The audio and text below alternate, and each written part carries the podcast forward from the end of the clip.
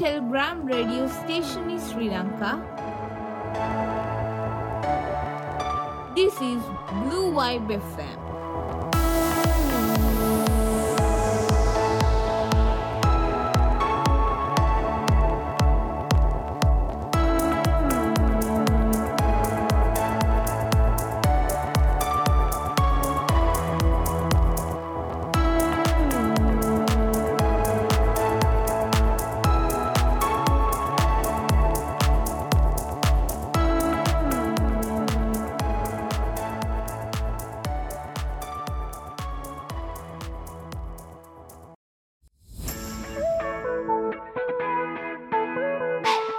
සන්ධ්‍යාවක් ඔබ සියලු දෙනාටම. ට්‍රැවල් විත් රවියන් මහි එක එකතු වෙලා ඉන්න ඔයගොල්ලන්ව අද අපි එක යන්නේ පූජනීය ස්ථානයට ඒ තමයි ඓතිහාසික රුහුණු මහා කතරගම පුදවීමට.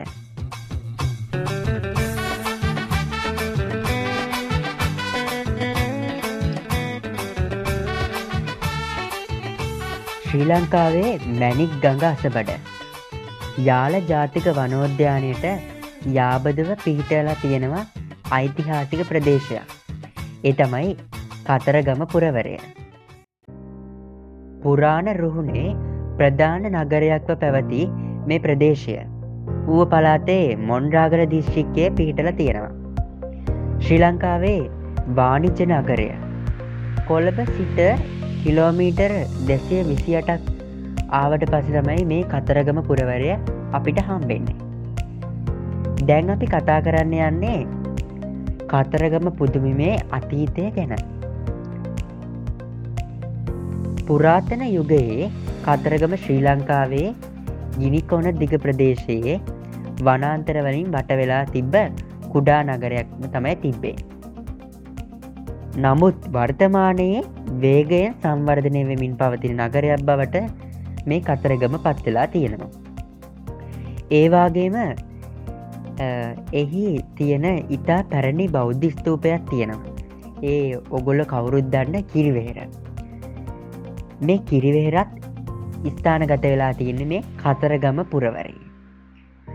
ද මේ කතරගම ඒසා ඒ කාලේ රෝහණ රාජධානි සමයේ බොහෝ සිංහල රජවරුන්ගේ රාජ්‍ය වාසස්ථානයක් වෙලා තියෙනවා.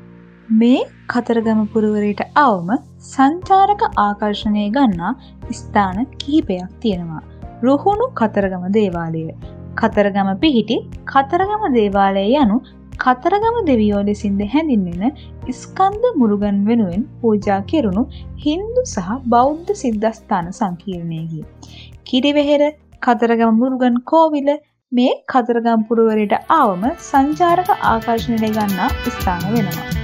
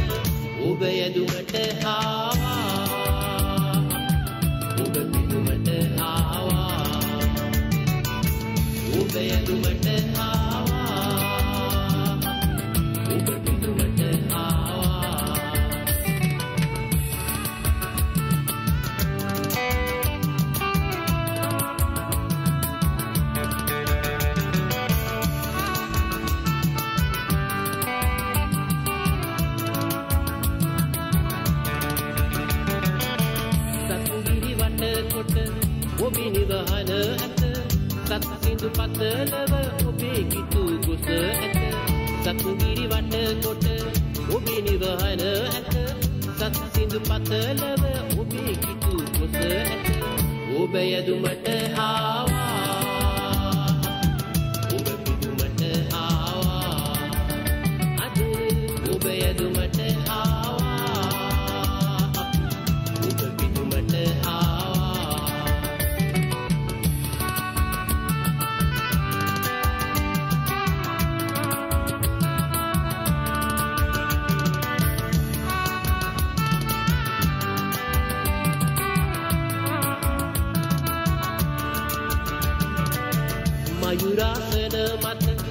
වැජබෙන තෙදැතිව උතුරන හදකින් උද දෙමු පැතියෙන. මයුරාසන මත වැජබෙන තෙදැතිව උතුරන හදකින් උද දෙමු පැතියෙන. ඔබ යදුමට ආවා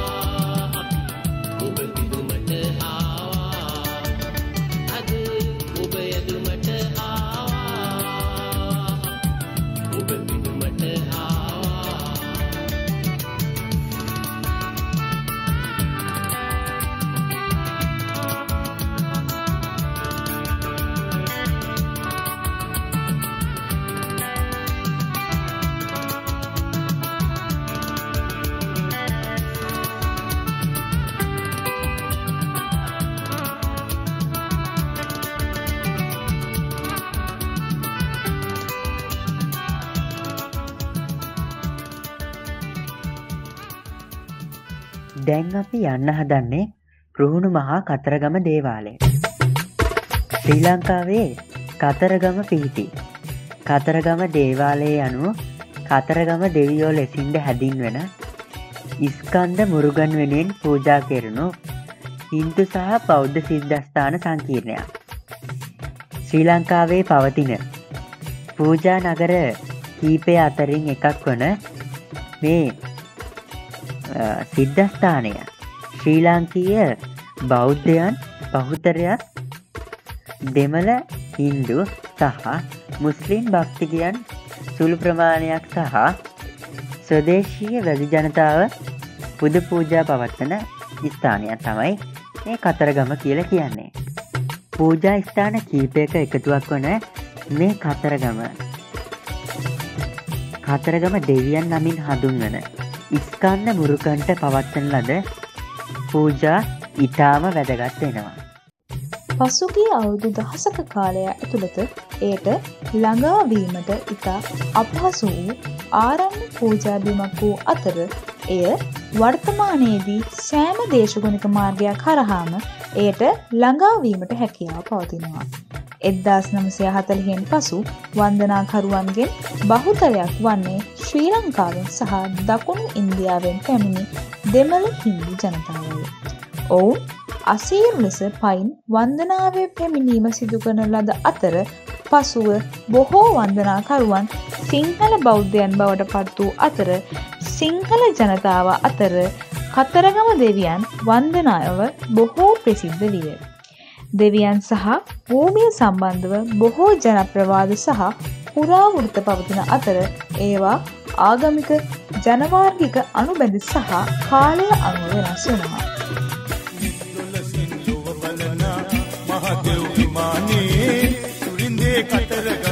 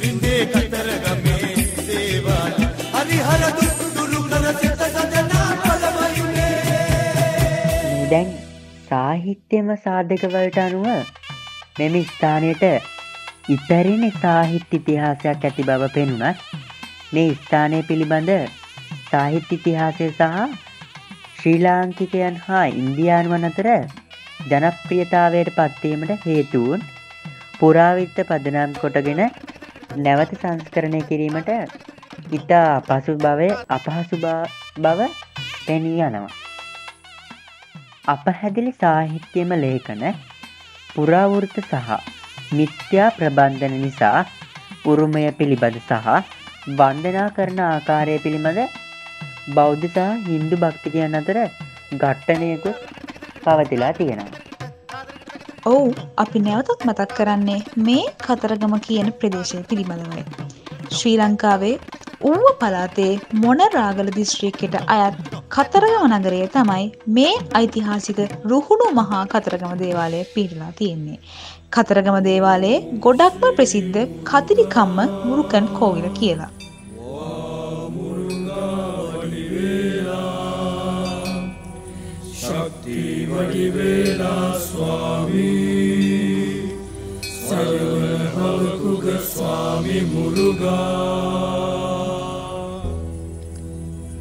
තෙදිනි විරාජ රුවිනි විරාජ. රුහුණු සුරාජ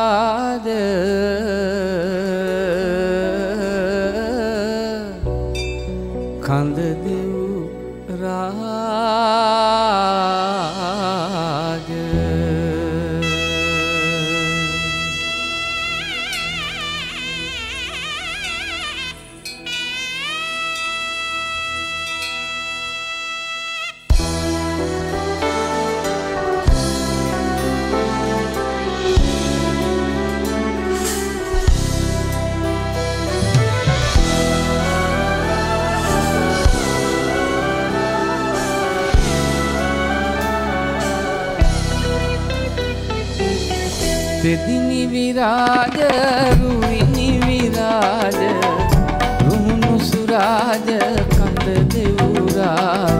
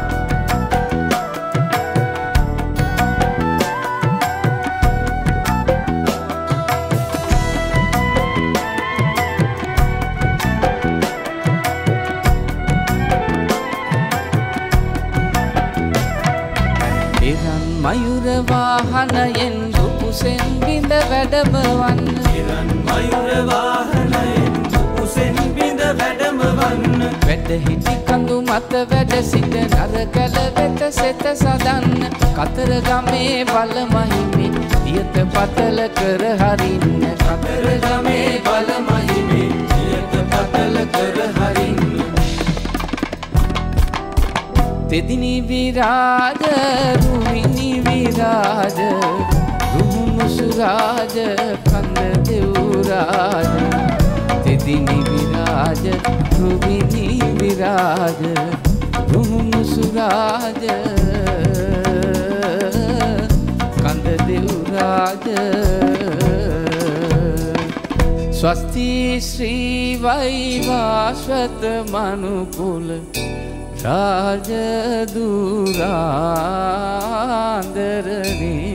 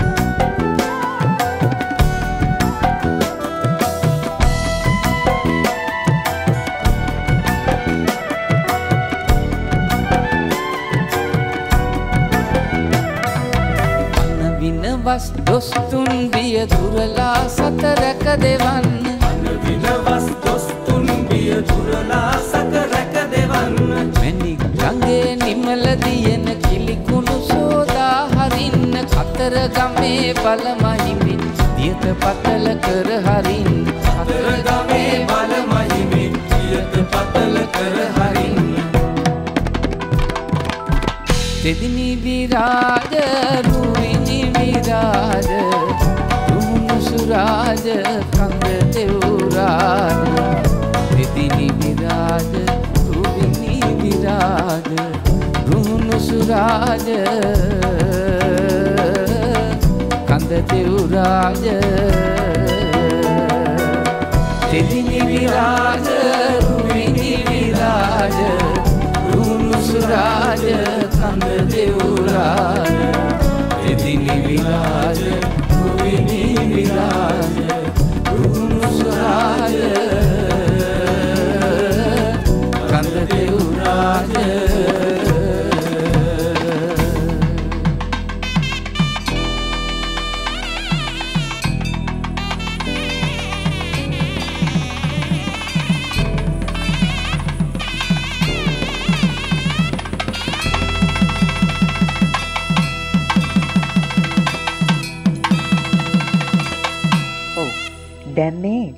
කාතරගම දේවාලය පිළිබඳ පුරාවෘත ගොඩනැගිල තියෙනවා විවිධ ආගම් වලින්. මේ හින්දු පුරාවෘතයට අනුව කතරගම දේවාලය ගැන සඳහන් වන ආකාරය. හින්දු සහ සමහර බෞද්ධ ලේඛනවලට අනුව ප්‍රධාන සිද්ධස්ථානය භාර වූයේ කාර්තිකයාටයි. එමෙන්ම ඔහු කුමර ඉස්කන්ද සුවනාබාම විශාක හෝ මහසෙන් යනුවෙන් හඳුන්වල ලබනවා. කුෂාන සහ යෞදස් වැනි පාලකයන් දෙවියන්ට ඇති භක්තිය නිසා ක්‍රිස්තුපූර්ව අවසාන ශතවර්ෂවල නිකුත් කළ කාසිවල දේවරූපය කැටයම් කරනලා තියෙනවා. උතුර ඉන්දියාවේ දෙවියන්ට ඇති ජනප්‍රවාදය පිරිහි ගියත් එය දකුණු ඉන්දයා තුළ ආරක්ෂා වෙලා තියෙනවා. ඉන්දියාව තුළ ඔහු සුබ්‍රමණය නමින්තු හදුන්වල තියෙනවා. බෞද්ධ පුරාවෘතය එක් සිංහල පුරාවෘත්තයක සඳහන් වන පරිදි ස්කන්ද කුමාරයා ලංකාවට පැමිණි පසු දෙමළ ජනතාවගෙන් රැකවරණය ඉල්ලා ඇත. ජනතාවගේ ප්‍රතික්ෂේප කිරීමෙන් පසු ඔහු කතරගම සිටි සිංහල ජනතාව සමඟ වාසයට පැමිණ ඇත. ප්‍රතික්ෂේප කිරීමේ ප්‍රතිඵලයක් ලෙස දෙවියන් විසින් වාර්ෂික පූජෝත්සවයේදී ද්‍රවිඩ ජනතාවට ශරීරයේ විදීම සහ ගිනිපෑකීම සඳහා ඉඩ සලසා තිබෙනවා. පුරාවෘතයේ සිද්ධස්ථානය පිහිටි ස්ථානය සහ ද්‍රවිඩ ජනතාවගේ පුරාණ බැදුම් පිළිවෙත් පිළිබඳ විස්තර සඳහන් වෙනවා. එලාර දුටුගැමුණු යුද්ධයට ප්‍රථම දුටුගැමුණු රජු ඇතුහු දෙවියන් කතරගම දෙවියන් බවට සිංහල පුරාවෘත්ත සාක්ෂි දරයි. යුද ජයග්‍රහණයෙන් පසුව දුටුගැමුණු රජතුමා ස්කන්ධ කුමාර දෙවියන් උදෙසා සිද්ධස්ථානයක් ඉදිකරවා ඇත. යමු සෙල්ල කතරගම් ඔබ එන්න යනවන කඳ කුමාරයා වල්ලිට පෙම් බැන්ද කතරගම් යමු සෙල්ල කතරගම් ඔබ එන්න යනවන කඳ කුමාරයා වල්ලිට පෙම් බැන්ද කතරගම්.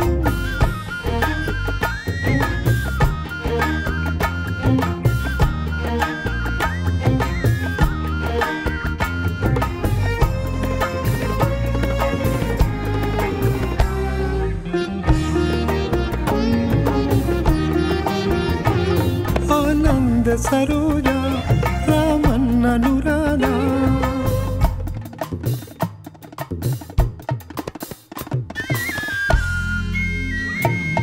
ආනන්ද සරෝජා රාමන් අනුරාධා නානකොටේ මැණික් පගේ දෙවි කරුණාවයි ආදු දිදී කඟ නොබෙදි එකට ගලායයි යමු සෙල්ල කතරගම් ඔබ එන්න යනවනම් කඳ කුමාරයා වල්ලිට පෙම් බැන්ද කතරගම් යමු සෙල්ල කතරගම්. ඔබ එන්න යනවනම් කඳ කුමාරයා වල්ලිට පෙම් බැන්ද කතරගම්.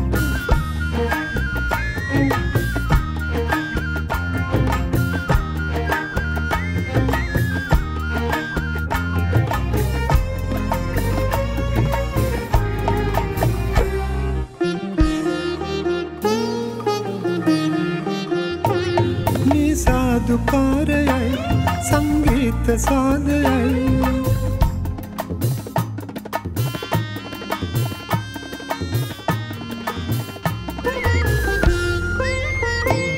මේ සාධකාරයයි සංගීත සාදයයි හාද වෙලා සාද විදින එකම වෙලාවයි පාද සලම දැත වල එකට හිනාවේ යමු සෙල්ල කතරගම් ඔබ එන්න යඩගනම් කඳ කුමාරයා වල්ලිට පෙම් බැන්ද කතරගම්. යමු සෙල්ල කතරගම්. ඔබ එන්න යනවනම් කඳ කුමාරයා වල්ලිට පෙම් බැන්ද කතරගම්.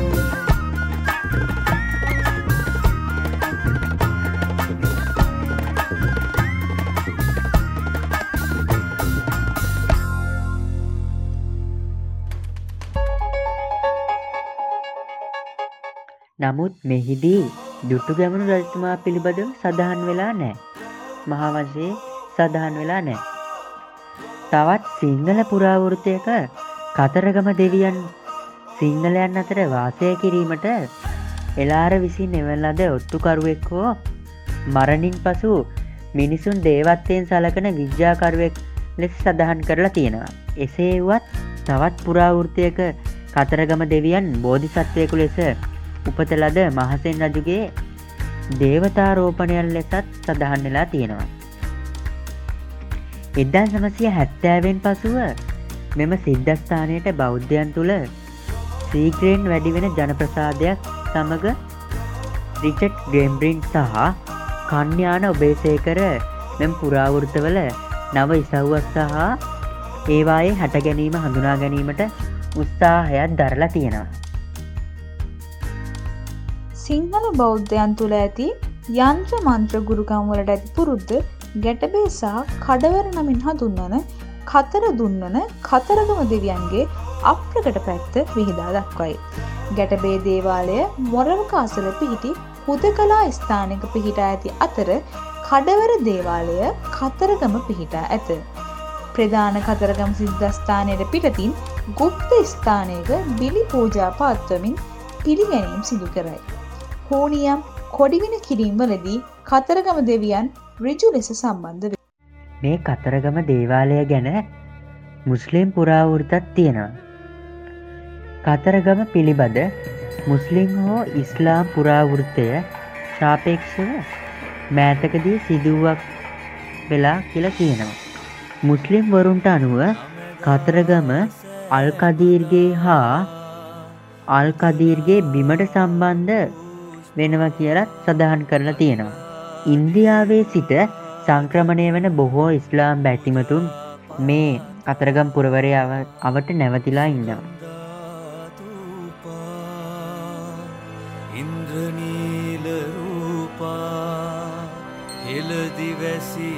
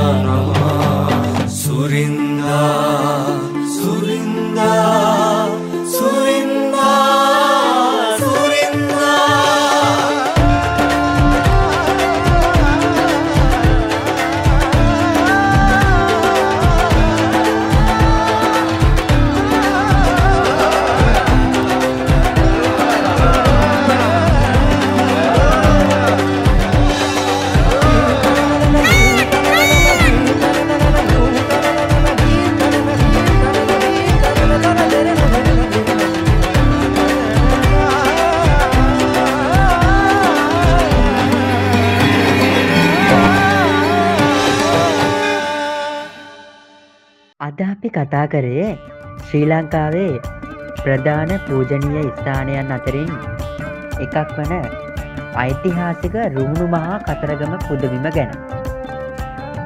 ලබන සතියත් හමුවීමේ බලාපොරොත්තුවෙන් අදර සමුගන්නවා මම ප්‍රවිශාන් ඩිලවීර. මම සියුමි මහිෂා මේ තමයි ට්‍රැවල් විත් රවියන් මහිෂා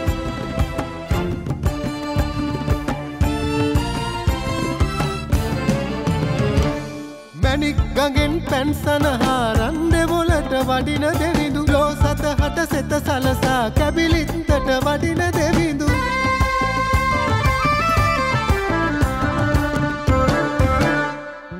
මයුරා පිටවාහනයෙන් සක්වල සැරිසරණ දෙවිඳු.